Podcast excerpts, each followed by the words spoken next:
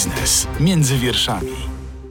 Rosnąca inflacja, kryzys energetyczny, dziura w budżecie, co najmniej kilka nietrafionych inwestycji. Czy ten rok mógł się skończyć gorzej? My wierzymy, że nie jest tak źle i tego właśnie będziemy się trzymać w dzisiejszym podcaście Biznes między wierszami, w którym obiecujemy, że będziemy szukać samych pozytywów. Katarzyna Wilficka-Jurek i Michał Tomaszkiewicz. Zapraszamy. A zaczniemy od tego, co stało się na samym początku nowego roku. Nowy rok, nowy ład podatkowy, nowy polski ład, nowe niskie podatki. Jak to w końcu A dokładnie jest? na początku polski ład, ponieważ no właśnie 1 stycznia obudziliśmy się y, z polskim ładem. Wtedy weszła w życie tak długo zapowiadana reforma, która tak naprawdę już dała się we znaki jeszcze w 2021 roku. Michał, czy dostałeś ulotkę polsko-ładową? Tak. do skrzynki i co zapamiętałeś z tej ulotki. Ja, drodzy Państwo, miałam dzisiaj pokazać tą ulotkę, natomiast zgodnie z radą wiceministra Artura Sobonia niestety chyba wyrzuciłam ją do kosza po tym, jak reforma się zmieniła. Wydaje mi się, że zrobiłem to samo, natomiast zapamiętałem, że była to ogromna obniżka podatków. Dokładnie. Przynajmniej dla części. Dokładnie. Mianowicie ta ulotka polsko-ładowa przedstawiała głównie szczęśliwe rodziny, zamożnych seniorów, którzy mają dużo pieniędzy w portfelu. Zresztą tak było napisane 8, 18 y, milionów Polaków z niższymi podatkami, więcej pieniędzy w kieszeniach i tak dalej. Ulotka przedstawiała nam ten polski ład w samych superlatywach i trudno się z tym nie zgodzić. Wydaje mi się, że tam był jednak mały kruczek. 18 milionów Polaków, dla których y, podatek nie wzrośnie lub y, zmaleje lub pozostanie taki sam. Jest to rzeczywiście imponująca próba marketingowa. Natomiast trudno się nie zgodzić z tym, co jest dobre w Polskim Ładzie, co przedstawiono zresztą w tej polsko-ładowej ulotce. Przypomnijmy, że od 1 stycznia mamy kwotę wolną równą 30 tysięcy złotych. Trzeba y, chwalić I rząd. też wyższy y, drugi próg podatkowy który się zaczyna od kwoty 120 tysięcy złotych, a nie jak dotychczas 85,5 tysiąca. No dobrze, ale to, to, to brzmi wszystko pięknie i, i, bardzo zachęcająco, natomiast y, coś chyba jednak poszło nie tak z tym Polskim Ładem i to już na samym początku stycznia. Co poszło nie tak? Znaczy jeszcze wrócę do tej ulotki. Czego zabrakło może w tej ulotce? Jakbyśmy my mieli poprawiać tę ulotkę albo żeby, żebyśmy po roku obowiązywania Polskiego Ładu, prawie że roku, mogli napisać ją od nowa, no to trzeba tam zaznaczyć, y, co się dzieje dzieje ze składkami. Otóż rząd ma rację, mówi obniżamy podatki ale podwyższamy składki. Rząd zastosował taki zabieg, że nie postawił znaku równości między podatkiem a składką. Reforma... Brzmi, brzmi logicznie, podatek, składka, coś zupełnie innego. No dokładnie, ale to, jest, y, to też jest obciążenie, które wpływa na nasze pensje. Forma składki zdrowotnej polegała na tym, że składka stała się nieodliczalna od podatku. Do tej pory większość tej składki można było odliczyć, a pensja netto była nieco wyższa, a teraz tego odliczenia nie ma takim ratunkiem, który miał rekompensować straty wynik, bo uwaga, no były straty, prawda, w związku z tą reformą składkową i takim ratunkiem... E, niemożliwe. System podatkowy, nowy system podatkowy, który miał obniżyć podatki, podwyższył podatki? A jednak. I takim ratunkiem miała być ulga dla klasy średniej pamiętna. Ja miałam przypomnieć ten e, wzór na ulgę dla klasy średniej, ale nie będę katować naszych słuchaczy. Tym bardziej, że tam były dwa wzory. Dokładnie. Dokładnie. Długości. E, w zależności od dochodu i tak dalej. I właśnie ta ulga dla klasy średniej miała chronić nas przed tą reformą składkową, miała poniekąd równoważyć. Czyli miała być ulga dla klasy średniej miała chronić klasę średnią przed obniżką podatków wprowadzoną przez Polski Ład, który Mówiąc podwyższał krótko. im podatki. Końcówka 2021 roku i początek 2022 to był wielki chaos podatkowy. Kiedy tak naprawdę to przyniosło pierwsze efekty, niestety niekorzystne? Już w styczniu Mianowicie pierwsza grupa podatkowa, pierwsza grupa zawodowa, przepraszam, która dostaje pensję, to m.in. budżetówka, nauczyciele. Oni dostają pensję niejako z góry i jako pierwsi przeżyli niemały szok, kiedy obiecane wyższe pensje stały się niższymi pensjami. Ale jak to? I tutaj zawiniły dwie rzeczy.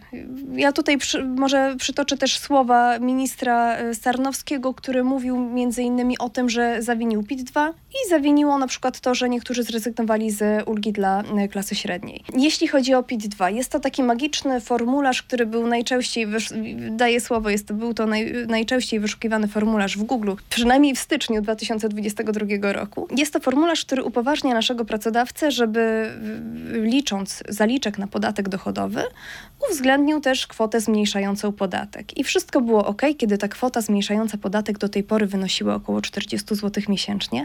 ale kiedy ona wzrosła już tak do 400 zł wraz ze wzrostem kwoty wolnej do 30 tysięcy złotych, no to różnica była zauważalna. Pensje netto były więc niższe. No a druga sprawa to, tak jak powiedziałam, niektórzy złożyli y, pismo u swojego pracodawcy, by ten nie uwzględniał ulgi dla klasy średniej. Dlaczego? Tam chodzi, nie będę wchodzić w szczegóły skomplikowane, ale tam chodziło o to, że były widełki, ile można maksymalnie zarobić, y, żeby z tej ulgi dla klasy średniej skorzystać. No ale co z nauczycielami, którzy pracują na dwa etaty, którzy pracują w dwóch szkołach? Co z tymi, którzy mają nadgodziny? Co z tymi, którzy zarabiają też w inny sposób? Sposób, mają dużo innych źródeł przychodu. No, czyli podsumowując, była to reforma, która nie uwzględniała, jak nieprostolinijne, jak złożony jest nasz świat i nasza rzeczywistość gospodarcza. Ale wydaje mi się, że y, rząd, a szczególnie y, prezes y, Jarosław Kaczyński znalazł wytłumaczenie, dlaczego ten polski ład nie spełnił do końca oczekiwań i rządzących, i Polaków. Przypomnijmy, że to miał być program na wiele lat, zapewniający Polsce dostatek, dobry poziom życia, no i przede wszystkim wzrost gospodarczy. No, były różne teorie. Jedną z teorii jest y, wygłoszoną też przez przedstawicieli rządu, że byli sabotażyści w Ministerstwie Finansów. Ja przypomnę tylko, że w pierwszym półroczu, już nie wiem dokładnie w którym miesiącu, stanowisko stracił minister Kościński. Zmienili się też wiceministrowie finansów, więc y, winni się też znaleźli, jak sądzę. Wydaje mi się, że tak, tym bardziej, że krótko po tym oświadczeniu o sabotażystach Zjednoczona Prawica rozstała się z porozumieniem Jarosława Gowina, który to był, przypomnijmy, pomysłodawcą ulgą, ulgi dla klasy średniej. Więc wydaje się, że rząd chciał dobrze, ale to niestety pan Jarosław Gowin zostawił tam taką niespodziankę niezbyt miłą. Jeśli chcemy, to winni zawsze się znajdą.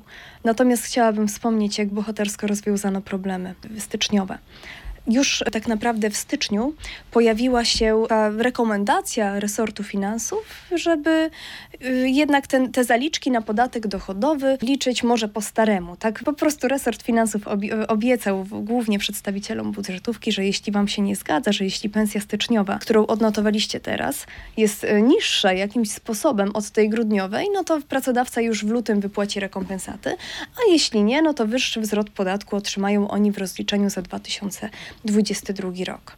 Znaczy, że można sobie było wybrać, według którego y, y, wówczas, systemu y, podatkowego wówczas tak, się... pracodawcy, płatnicy mogli wybierać, w jaki sposób będą obliczać te właśnie zaliczki na podatek dochodowy. Brzmi, czy według starego super. systemu, czy według nowego. No i tak właściwie rozwiązano te początkowe problemy związane z Polskim Ładem, ale jednak nie była to największa reforma związana z Polskim Ładem ponieważ w lipcu była jeszcze większa, ale do tego wrócimy, ponieważ może przejdźmy chronologicznie do tego, z jakimi wyzwaniami jeszcze w styczniu czy w lutym mierzył się rząd i całe społeczeństwo z resztą.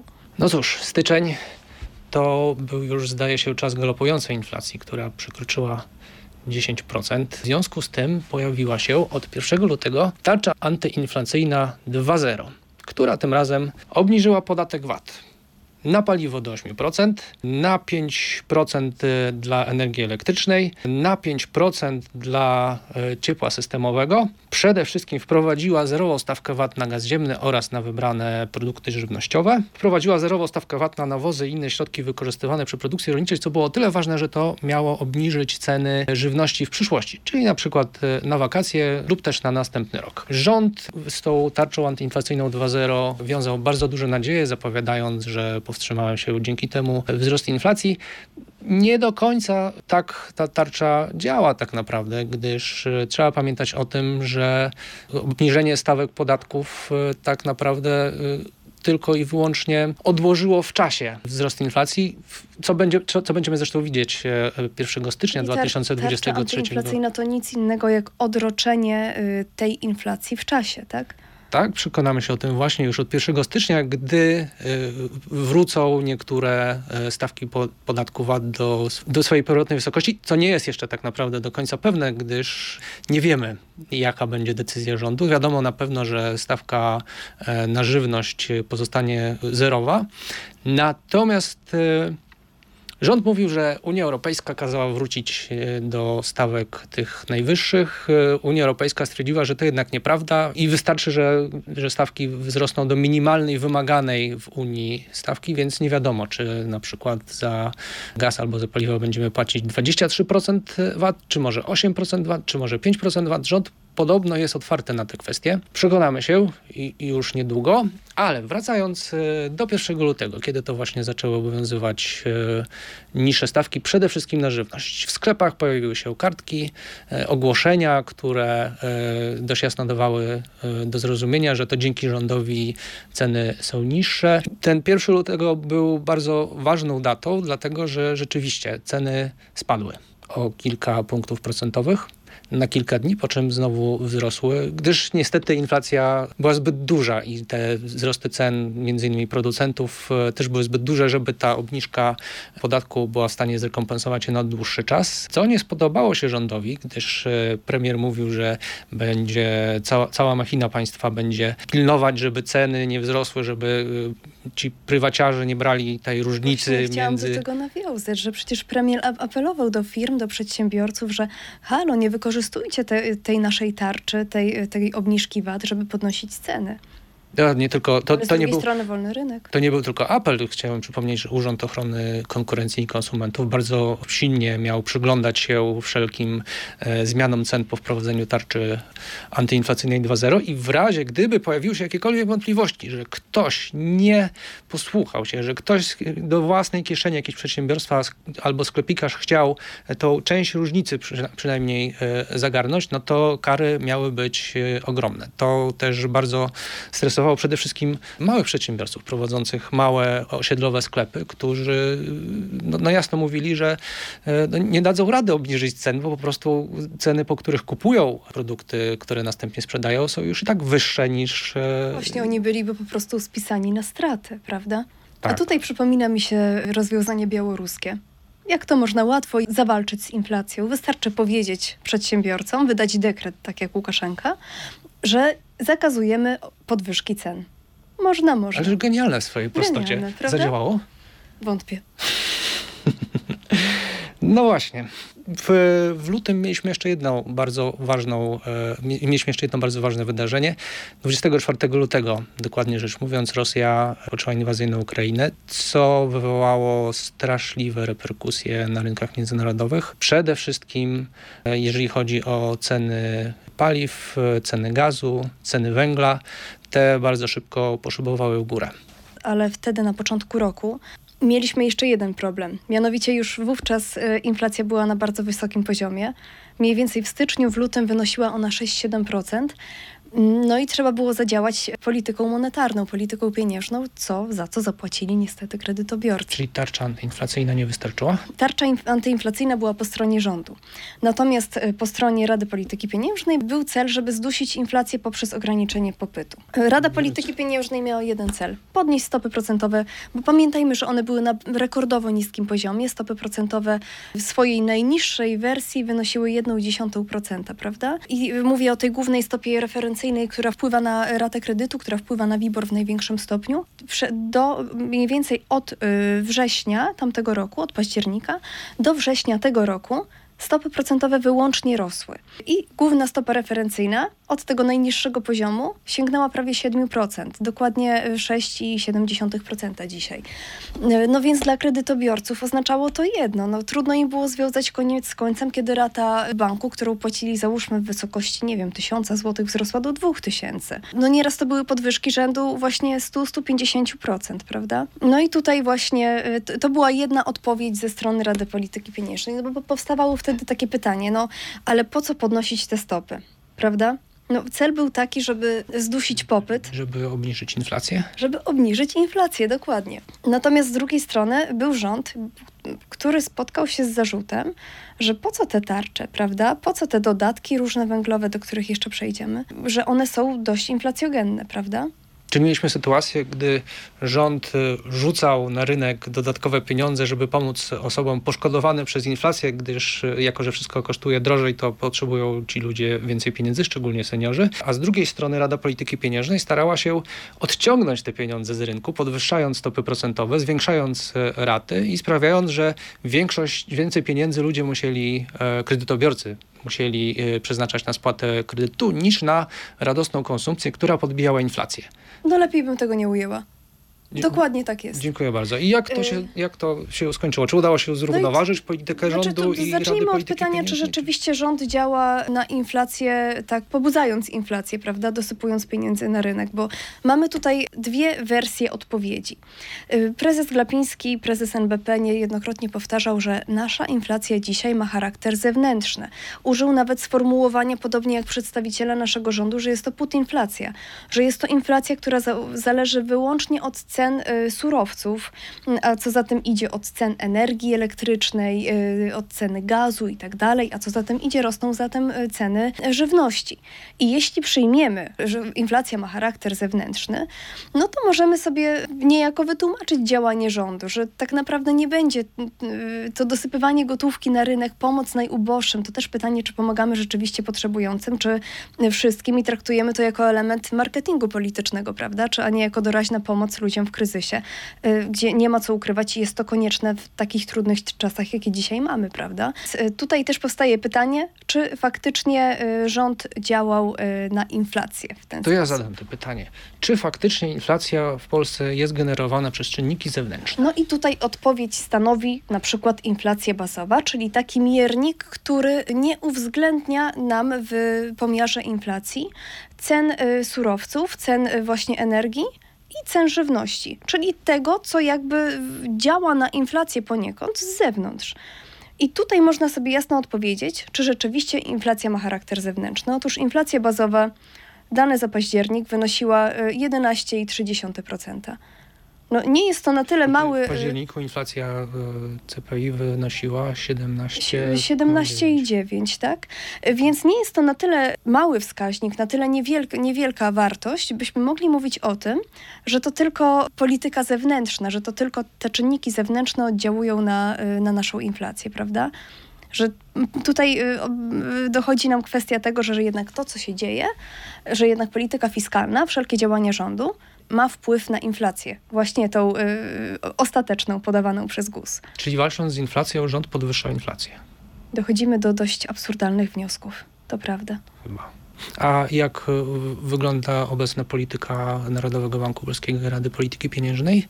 No obecnie inflacja nam nieco wyhamowała ponieważ doszliśmy do takiej, doszliśmy do ściany, doszliśmy do sytuacji, kiedy już było tak drogo, że rzeczywiście firmy zaczynały powoli już bankrutować. Popyt, tak jak założyła Rada Polityki Pieniężnej, skutecznie spadł, bo nie, nie stać nas po prostu czasem nawet na podstawowe produkty żywnościowe i podstawowe produkty do, do przeżycia. Gdy mamy do czynienia z takim scenariuszem, no to obijamy się nieco o recesję. Dane gospodarcze już wskazują na spowolnienie w gospodarce.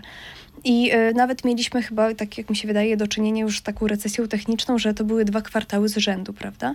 Y, więc myślę, że dlatego Narodowy Bank Polski stwierdził, że, y, że czas już y, zakończyć te, ten cykl zacieśniania polityki pieniężnej i od paź październik, listopad i grudzień to trzy miesiące, kiedy te stopy pozostały na y, jednolitym poziomie. No i zobaczymy, co dalej. Natomiast co jeśli chodzi o kredytobiorców? No, ostatnie posiedzenie Rady Polityki Pieniężnej i konferencja prezesa NBP po tym posiedzeniu przyniosły następujące wnioski. Adam Glapiński powiedział, że y, stopy procentowe mogą spaść dopiero pod koniec 2023 roku.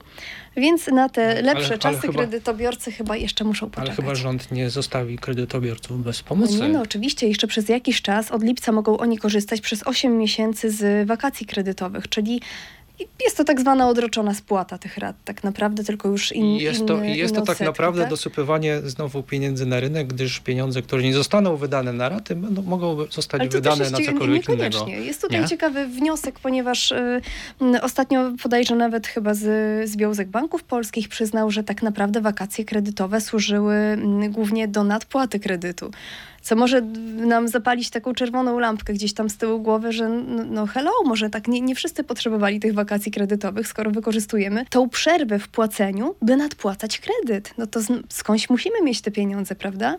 No nie taki był cel tych wakacji kredytowych. Pamiętamy zresztą pierwotną wersję, o której, którą rozważał rząd, żeby wprowadzić ym, próg dochodowy. Ten próg dochodowy miał pierwotnie polegać na tym, że tylko gospodarstwa domowe, które przeznaczają na kredyt y, powyżej po, podajże 60% dochodu, nie pamiętam w tym momencie, jakie to były wartości, ale ta pomoc była kierowana wówczas wybiórczo, tak? To nie była powszechna pomoc. No a tymczasem mamy taką pomoc, którą finansują banki i właściwie scedowana została na sektor bankowy. No ale to, to, nie jest tak, że te pieniądze bankom przypadły, one po prostu zostały przepisane one na... Te, dokładnie, one, one trochę dalszą, przyjdą, trochę dalszą przyszłość. W dalszej perspektywie, prawda? No a już mówiąc o pieniądzach, to jak wiemy, nie każdy pieniądz jest yy, inflacjogenny, prawda? I tak. I nawiązuje tutaj i do tak, KPO. I nie. No właśnie. Krajowy Plan Odbudowy, y, który wiadomość z ostatniej chwili został podobno już zatwierdzony przez Unię Europejską. To jest stan na 12 grudnia, dzień, w którym nagrywamy y, naszą rozmowę. To jest bardzo duży zastrzyk pieniędzy dla Polski. Jest to dokładnie 23,9 milionów euro dotacji oraz 11,5 miliarda euro bardzo nisko oprocentowanych korzystnych pożyczek. No i przez ostatnie kilkanaście kilka minut y, narzekaliśmy na to, że y, dosypywanie pieniędzy na rynek y, powoduje, że inflacja rośnie. Natomiast te ogromne fundusze mogłyby sprawić coś wręcz innego. być może nie jest to intuicyjne, natomiast cała rzecz polega na tym, że te fundusze doszłyby do Polski, dotarły do Polski w euro. Następnie, e, żeby je wykorzystać w Polsce, gdzie obowiązującą walutą jest złoty, musielibyśmy te środki zmienić i za te euro, które otrzymaliśmy, kupić, kupić e, złote. To sprawiłoby, że nasza waluta by się umocniła, w związku z czym te czynniki zewnętrzne, które e, tak bardzo podwyższają nam inflację, stałyby się mniej znaczące, dlatego że w złotych e, za węgiel, za ropę naftową, za gaz płacilibyśmy mniej, co przełożyłoby się na spadek cen Polsce. No dokładnie i to jest odpowiedź na to, dlaczego te pieniądze z KPO są nam potrzebne i że nie uwierzymy w argumenty, że one doprowadzą do wzrostu inflacji, prawda? Tym bardziej, że one nie zostaną spożytkowane tu i teraz. To jest rzeczywiście perspektywa kilku najbliższych lat. E, szczyt miał, będzie chyba w 2024 roku, kiedy to największa część tych funduszy ma trafić do Polski. Natomiast e, problem jest też być może trochę inny, dlatego że polski budżet znajduje się w tej chwili w dość trudnej sytuacji, jak przyznała zresztą sama minister finansów i cytując, nie ma co udawać, że te pieniądze nie są nam potrzebne. To jest chyba najbardziej przekonujący argument za tym, że te środki muszą do Polski trafić trafić, żeby e, polski budżet e, był w stanie przeżyć ten najbliższy rok. E, przypomnijmy, że ministerstwa dostały zalecenie przygotowania planu ewentualnościowego na wszelki wypadek, który ma polegać na tym, że wydatki danych resortów miałyby zostać obcięte o 5%, oprócz wydatków na wojsko oraz oprócz wydatków socjalnych, czyli emerytury i 500+. To jest nie do ruszenia. Wydaje się to racjonalne uzasadnienie. Mamy wojnę za wschodnią granicą, więc wydatki na obronność są wskazane. Mamy y, trudne czasy, jeśli chodzi o inflację i rosnące koszty życia, więc wydatki socjalne tak samo. Ale nie zapominajmy, że za rok mamy wybory.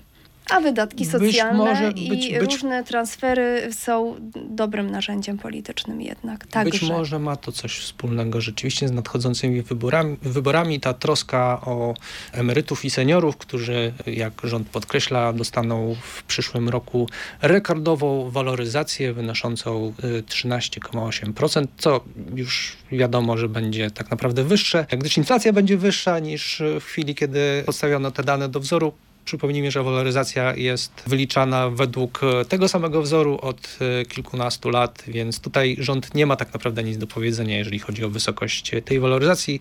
Jedyne, co może zrobić, to wziąć e, liczbę, którą podaje GUS, podstawić do wzoru, wziąć drugą liczbę, którą podaje GUS, podstawić do wzoru, wyliczyć i dzięki temu wiemy, ile wyniesie waloryzacja.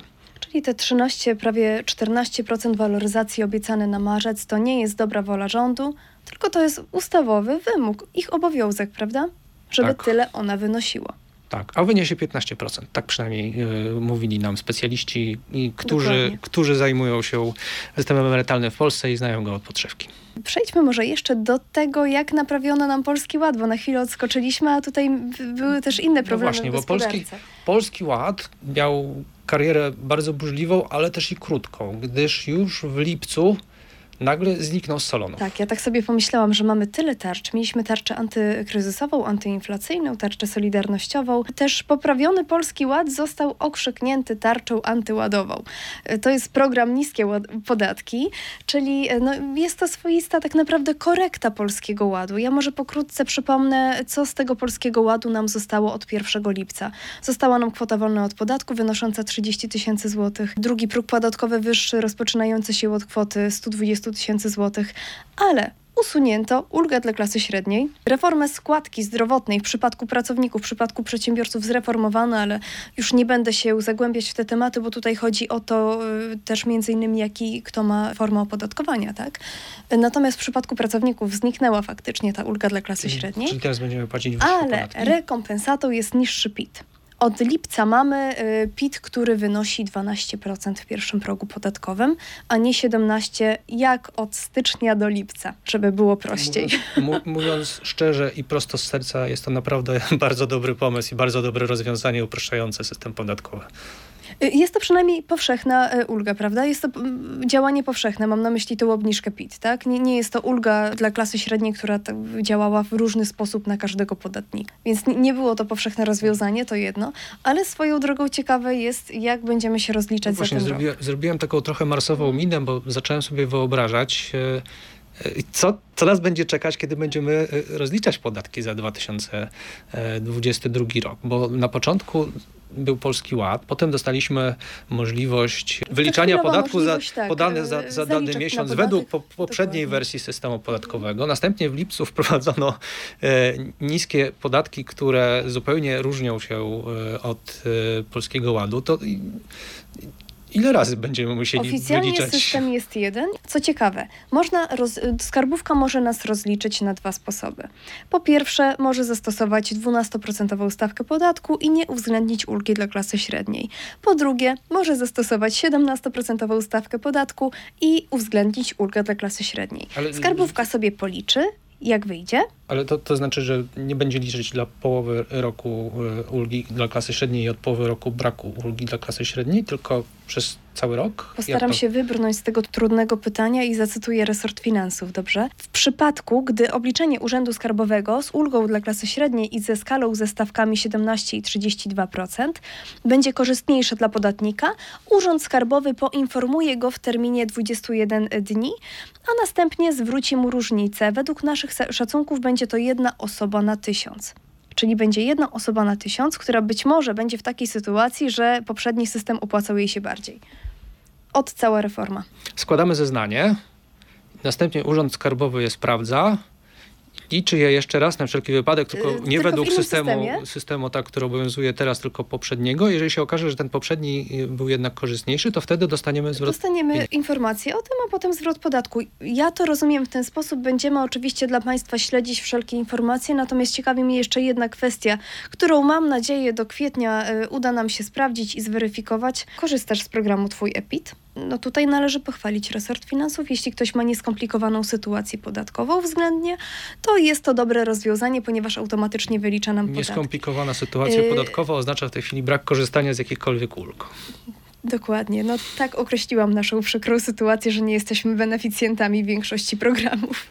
No, natomiast wracając do meritum, jeśli chodzi o ten program Twój EPIT, to postaramy się zdobyć odpowiedź na pytanie, czy rzeczywiście ten program już y, będzie, mówiąc kolokwialnie, ogarniał Polski Ład? Czy będzie już po prostu ta e, e-skarbówka wyliczała, e, wiedziała jak wyliczyć nam podatek, tak żeby już podać nam na tacy, proszę tutaj masz do nadpłaty albo masz niedopłaty. Wydaje mi się, że nawet jest mniej czasu niż do kwietnia, bo chyba na początku lutego. Tak, dokładnie. Już na początku lutego będą dostępne PIT 11, które dostaniemy od pracodawcy, więc wtedy już będzie można rozliczyć PIT i do końca e, kwietnia trzeba będzie się rozliczyć ze skarbówką. Ile systemów, różnych wersji systemów podatkowych mieliśmy w tym roku? W tym roku dwa. Powiedzmy. Chyba, że liczyć jeszcze te... Na, bo, y, na bogato. Na bogato. Właśnie, odnośnie Polskiego Ładu. Godną wspomnienia jest tak zwana ulga na zabytki. Cel bardzo szczytny. Ja stwierdziłam, że nie odpuszczę tej ulgi, bardzo mi się spodobała. Czy to, czy to jest ta ulga bardzo, bardzo słynna, zwana jako Pałacyk Plus i nie mająca żadnego e, związku ze znanym kolekcjonerem pałacyków? Nic mi o tych związkach nie wiadomo. Natomiast na czym polegała ta ulga, może pokrótce wyjaśnię. Ona do dziś funkcjonuje, ale w nieco okrojonej wersji. Ta ulga e, miała sprzyjać przedsiębiorcom, którzy mogli sobie wpisać w koszty podatkowe różne inwestycje. Taką inwestycją, jakbyś miał, Michał, działalność gospodarczą i miałbyś, załóżmy, milion złotych. Mógłbyś sobie kupić jakiś pałacyk, prawda? Za ma- milion by wystarczył? No nie, wiem. w sumie jakie są ceny takich nieruchomości, szczerze mówiąc. Natomiast załóżmy, załóżmy że milion, tak? Załóżmy drugi, Załóżmy, że kupiła. drugi Dobrze. milion byś dał w renowację tego y, zabytku. No to w koszty podatkowe wliczasz milion, czyli wliczasz cały koszt y, tak naprawdę zakupu, chociaż nie, nawet nie milion, bo tutaj było ograniczenie. Było ograniczenie maksymalnie pół miliona złotych, które możesz wydać na, y, właśnie na ten pałacyk, załóżmy, od, To- to wliczyć jakiś- go w koszty podatkowe liczyć go w koszty podatkowe i możesz, ale tutaj już limitu nie było, możesz też wpisać koszty renowacji w te koszty podatkowe i tu- właściwie połowę tych kosztów. No ale wiadomo, że tak naprawdę no, tutaj limitu nie ma, tak? To jest połowa tych kosztów. Pytanie, ile No jest pałacyków w Polsce, No które można dokładnie, no i wykorzystać w ten sposób, w ten sposób jest Bo, to... bo, bo y, kolejka, wyobrażam sobie, do tej ulgi jest y, jakaś y, wyjątkowo duża. W, tej, w ten sposób właśnie ulga ta stała się jedną z najhojniejszych ulg, które mamy w ogóle w systemie podatkowym, ponieważ pozwala teoretycznie odliczyć najwięcej. Resort Finansów, sądzę, zorientował się, że być może jest to zbyt duży prezent dla e, biznesu, dla Ale przedsiębiorców, którzy marzą o przecież- zabytku. Przecież to nie jest prezent dla biznesmenów. To jest sposób na zachęcenie do tego, żeby dbać o No, spuściznę no, cel- narodową, cel o jest nasze, szczytny, tak, o dziedzictwo nasze dziedzictwo kulturowe. kulturowe. Dokładnie. No ale już abstrahując ile, od tym, jak... Ile że- pałacyków czeka na swoją No szansę właśnie. i na ulgę? Ale jednak resort stwierdził, że troszkę okroi tą ulgę. Polski Ład w nowym wydaniu ją właśnie zredukował do tego, że można odliczyć je- jedynie połowę kosztów renowacji. Czyli A wciąż taka, nie a ma taka była limitu. szansa, żeby skończyć z Mhm. hasłem Pałacyk w ruinie. No właśnie, ale ja przypomnę jeszcze, dlaczego ta ulga jest taka hojna. My mamy limity w ulg- uldze rehabilitacyjnej. Tam są limity, jeśli chodzi o wydatki, które mogą odliczyć osoby niepełnosprawne czy ich opiekunowie. Y, Mamy limity nawet, jeśli chcemy przekazać, no, mamy wojnę cały czas. Myślę, że wielu z nas dokonało darowizn na początku, tak? Darowizny możemy odliczać y, od podatku i jest to maksymalnie 6% naszego dochodu. Tutaj mamy takie limity, i, które nie, nie pozwalają tak naprawdę w jakimś znacznym stopniu zmniejszyć obciążeń podatkowych. No więc to rodzi takie smutne pytanie niestety, jakie rząd ma priorytety, tak? No, Widocznie o te naszą polskie zabytki trzeba dbać bardziej niż o tych naszych polskich żyjących obywateli, szczególnie którzy są w kłopotach, chociażby ta ulga rehabilitacyjna. A pomówmy może jeszcze o sytuacji budżetowej. Jak ona wygląda? Ach, sytuacja budżetowa. Zanim przejdziemy do sytuacji budżetowej, ja chciałbym troszeczkę wrócić do początku roku i do wybuchu wojny. Dlatego, że doniosło to za sobą bardzo konkretne i wymierne, mm, niekorzystne skutki e, dla Polaków. Szczególnie dla Polaków, którzy są zainteresowani mocno przeżyciem zimy e, dzięki ogrzewaniu swoich domów węglem. Węgiel, powiedzmy sobie jasno, mm, ropa naftowa sprowadzaliśmy z Rosji. Gaz sprowadzaliśmy z Rosji. Węgiel, jak się okazało, też w dużej mierze sprowadzaliśmy z Rosji. Rząd bardzo błyskawicznie zdecydował, że wprowadzimy embargo, żeby na, na to czarne złoto, żeby nie pomagać Rosji, nie finansować wojny na Ukrainie. I już w kwietniu zaczęło obowiązywać embargo na węgiel, czy zaczęło obowiązywać w bardzo restrykcyjny sposób, dlatego że zgodnie z ustawą podpisaną 14 kwietnia przez prezydenta Dudę, już 14 kwietnia przez prezydenta Dudę, ustawa wprowadziła zakaz przywozu i do Polski i tranzytu przez terytorium naszego kraju węgla i koksu pochodzącego z Rosji i Białorusi. Oznaczało to mniej więcej e, to, że jeżeli ktoś już kupił węgiel sobie w Rosji, tylko nie zdążył go sprowadzić, to już nie mógł tego zrobić, dlatego że był zakaz sprowadzania Zadziałało embargo, e, węgla. dokładnie. Tak.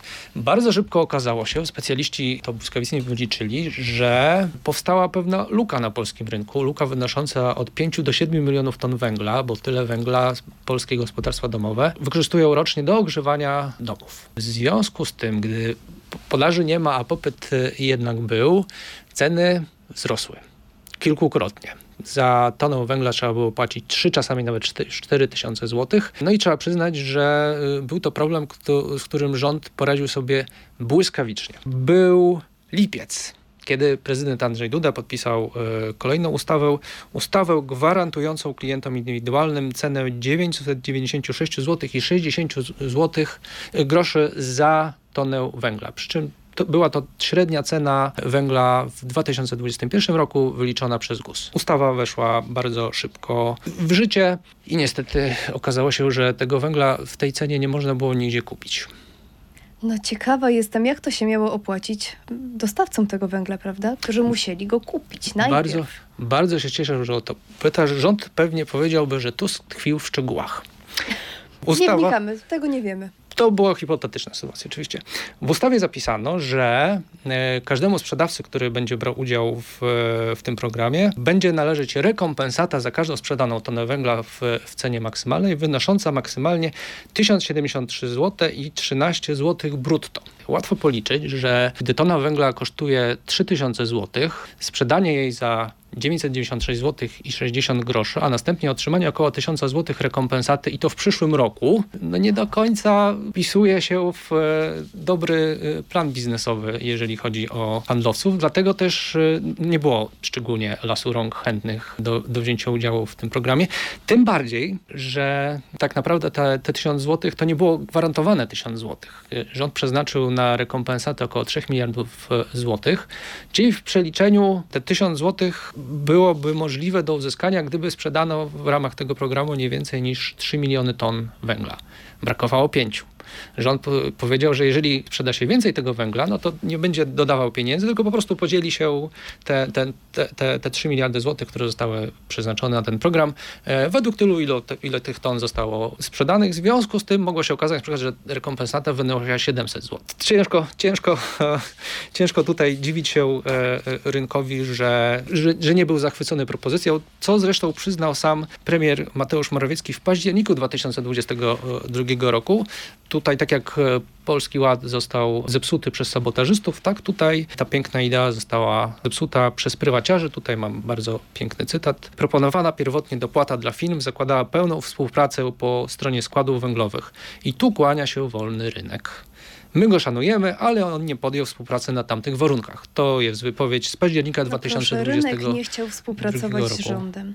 No coś musi być nie tak z tym rynkiem, najwyraźniej. W każdym razie prawo weszło w życie i było martwe od samego początku, y, co zresztą przyznał rząd, y, wprowadził znakomitą, y, znakomity zamiennik. Dodatek węglowy. Ach, tutaj, tutaj proszę Państwa, działo się Temat naprawdę... rzeka po prostu, ten Tutaj działo się naprawdę dużo, to 3000 zł e, dla każdego gospodarstwa domowego, które wykorzystuje węgiel do ogrzewania pod warunkiem wpisania do te, tego do centralnej ewidencji emisyjności budynków. Bardzo szybko okazało się, że ustawa została przygotowana rzeczywiście błyskawicznie, e, rzeczywiście z pełnym zaangażowaniem, tylko zostawiła pewien taki malutki, malutki e, kruczek e, mówiący, że dodatek należy się każdemu gospodarstwu domowemu, a nie, a nie na każdy piec.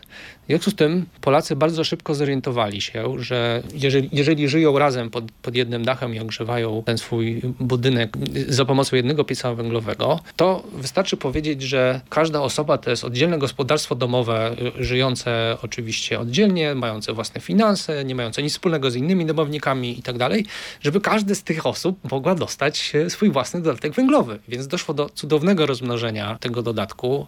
Rekord wynosił chyba 12 wniosków o, o, o dodatek, o dodatek węglowy na jeden dom. Na początku rząd e, podchodził do, do informacji na ten temat w sposób dość e, taki łagodny powiedziałbym. Nawet e, pani minister klimatu i środowiska Anna Moskwa, która zajmowała się kwestią dodatków, stwierdziła, że rząd nie będzie przecież weryfikował, czy rzeczywiście ktoś mieszka tutaj z kimś, czy mieszka oddzielnie, mimo że pod tym samym dachem, bo nie wyobrażam sobie, że urzędnik rusza do poszczególnych mieszkań, liczy mieszkańców, sprawdza kotły. Nie jesteśmy państwem policyjnym.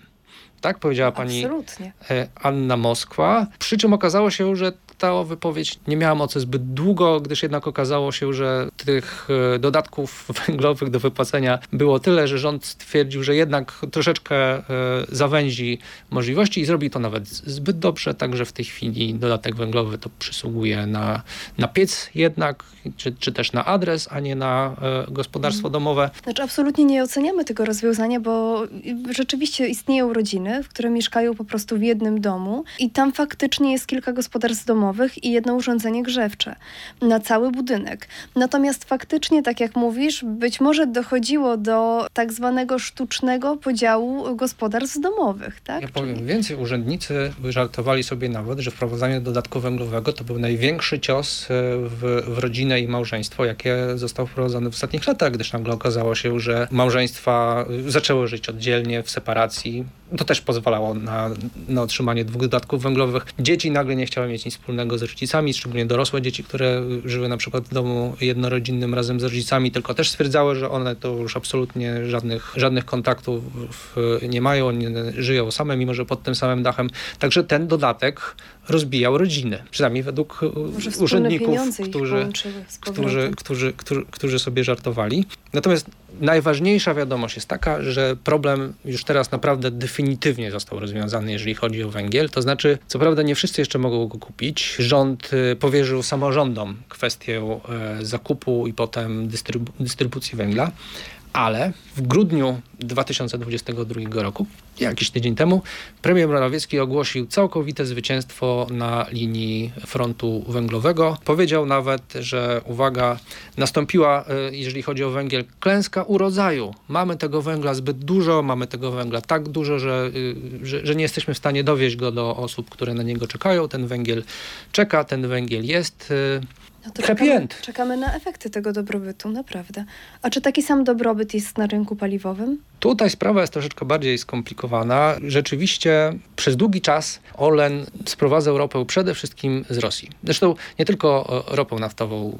Y, Ponad 20% zużywanego w Polsce oleju napędowego sprowadzaliśmy bezpośrednio z Rosji. Wojna i następnie ta chęć e, odcięcia Rosji od dochodów z tytułu sprzedaży nośników energii, między innymi paliw, gazu, węgla i tak dalej, sprawiła, że zaczęliśmy troszeczkę rozglądać się po rynku za alternatywnymi źródłami dostaw. Alternatywnymi, czyli droższy. Paliwo bardzo mocno poszybowało w górę. O ile po wprowadzeniu tarczy antyinflacyjnej 2.0 przez chwilę, piękną chwilę, płaciliśmy za litr benzyny mniej niż 5 zł nawet, to teraz znalezienie czegokolwiek poniżej 6,50 jest prawdziwym cudem. To jest benzyna. Jeżeli chodzi o ropę, która właśnie jest droższa z tego względu, że sprowadzaliśmy jej naprawdę dużo procentowo, y, żeby zaspokoić y, potrzeby polskiego rynku, jest nawet gorzej. Tutaj już mamy okolice 8 złotych. No ale skąd są te podwyżki tak naprawdę? Czy to wyłącznie wina y, wojny w Ukrainie, problemów z dostępnością surowca? No, od, odcięliśmy się od ropy z Rosji. Embargo weszło 5 grudnia tego roku na sprowadzanie y, ropy naftowej y, drogą morską, ale zanim, zanim to, to embargo weszło w życie, no, musieliśmy, czy też y, nasi dostawcy musieli znaleźć alternatywne źródła zakupów. Te alternatywne źródła zakupów były droższe, dlatego że zamiast sprowadzać się tutaj bezpośrednio z bliskiego w miarę, y, z blis- bliskiej w miarę odległości, musieliśmy sięgać po dość y, odległe rynki jak na, e, jak na Europę. Teoretycznie można było zrobić tak, że dopóki jeszcze tą tanią ropę z Rosji otrzymywaliśmy i mieliśmy droższą ropę z, e, spoza Rosji, to można było to zrównać. Natomiast e, ta, taką tajemnicą Poliszynela, którą, e, którą niechętnie Orlen zdradza, jest to, że skoro tutaj było drożej, a tutaj taniej, no to sprzedawaliśmy tak.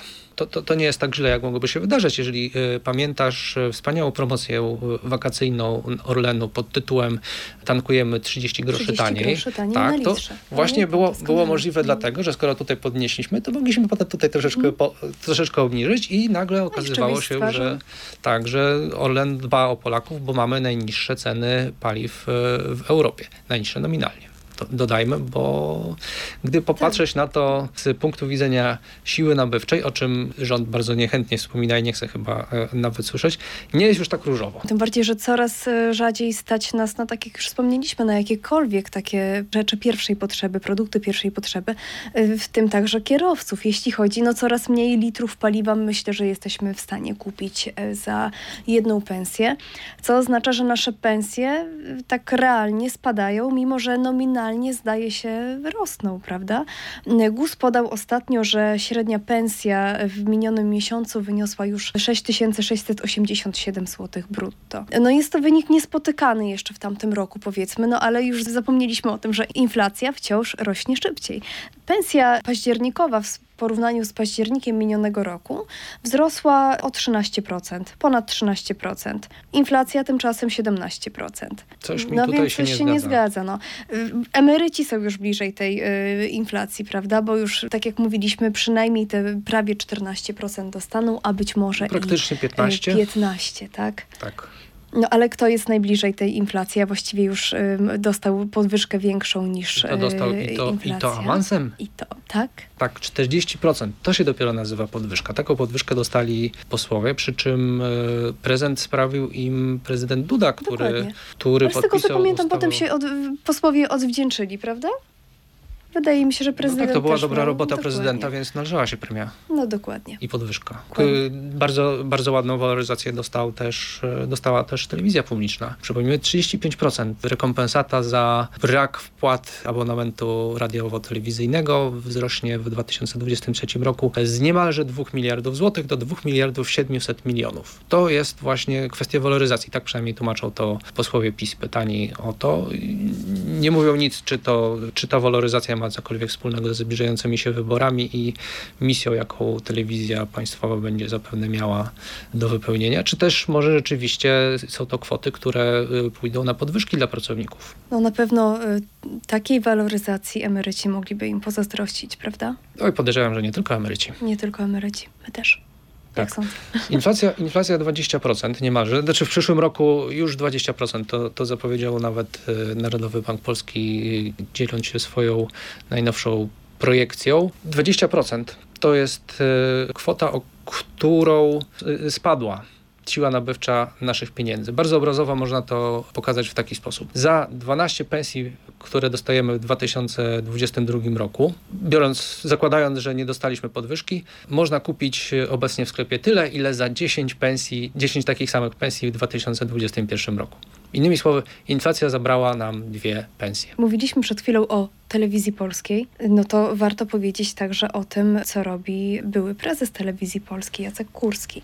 Do, E, dostał, dostał pracę zgodną ze swoim wykształceniem, Oczywiście, że powołaniem, tak. kompetencjami. Tak, zostaliśmy zaskoczeni informacją, że od początku grudnia NBP wydał właśnie komunikat, że Jacek Kurski pracuje w Banku Światowym na dyrektorskim stanowisku. Posłużę się notatkami w tym momencie. Pracuje w szwajcarsko-polskiej konstytuancie w grupie Banku Światowego w Waszyngtonie. Obok Polski i Szwajcarii w jej skład wchodzą Azerbejdżan, Kazachstan, Kirgistan, Serbia, Tadżykistan, Turkmenistan i Uzbekistan. Kandydaturę Jacka Kurskiego zgłosił y, pan y, Adam Glapiński, prezes NBP. I jak tłumaczył podczas ostatniej w tym roku konferencji prasowej, pan Kurski zasługuje nawet na jeszcze wyższe stanowiska, no bo jest najlepszy. Jest lepszy nawet y, w dziedzinie ekonomii, w dziedzinie bankowości niż niektórzy ekonomiści, którzy się wypowiadają w niektórych mediach, prawda? No, cytuję w tym momencie pana. Glapińskiego, dokładnie. No, a I co być może nareszcie właściwy człowiek na właściwym miejscu. Tak, no i musi być godnie wynagradzany. Tak, nawet godniej niż w telewizji polskiej. Tak, Zakładam. Nieoficjalnie wiadomo, że jego roczna pensja będzie wynosiła około miliona złotych. Wydaje mi się, że nawet y, Czy- milion trzysta tysięcy tak. bez dodatku. W przeliczeniu na złote, ale to oczywiście, jeż- jeżeli złoty się umocni, to niestety zarobki też spadną pana, pana Kurskiego. No ale na pewno będzie tam walczył o jak najlepsze rozwiązania dla Polski, tak jak walczył o jak najlepsze rozwiązania dla telewizji polskiej. Tak, jakiś komentarz do pana Kurskiego? Jeszcze, bo o komentarz był poproszony na antenie Radia Z y, Sławomir Mensen, który tak spuentował to y, dość obrazowo. Mianowicie powiedział, że Jacek Kurski będzie co najmniej tak dobrym reprezentantem Polski w Banku Światowym, jak Nikodem Dyzma w Banku Zbożowym. No i proszę Państwa, już kończąc powoli nasze mało obiektywne, dość sarkastyczne podsumowanie, chcielibyśmy życzyć i Państwu, i sobie tak spektakularnych karier. A ja chciałbym powiedzieć tylko jeszcze, że taki mały toast za to, żeby ten przyszły rok był zdecydowanie mniej ciekawy niż ten. I oby tak było. Dziękujemy Państwu bardzo. Zapraszamy do odsłuchania wszystkich podcastów Biznes Między Wierszami. Zapraszamy do śledzenia y, newsów na stronie radioz.pl gdzie mamy przyjemność pisać i informować Państwa o wszystkim, co się dzieje w świecie gospodarki. I Gdyby nie ktoś nie dowierzał w nasze słowa, wystarczy wejść na nas na stronę. My o wszystkim pisaliśmy. Można zobaczyć, że tak było naprawdę. No i życzymy Państwu nieustająco wszystkiego dobrego i dziękujemy za uwagę. Katarzyna Witwicka-Jurek. Michał Tomaszkiewicz. Zapraszamy na następne podcasty. Biznes między wierszami. Więcej podcastów na player radioz.pl.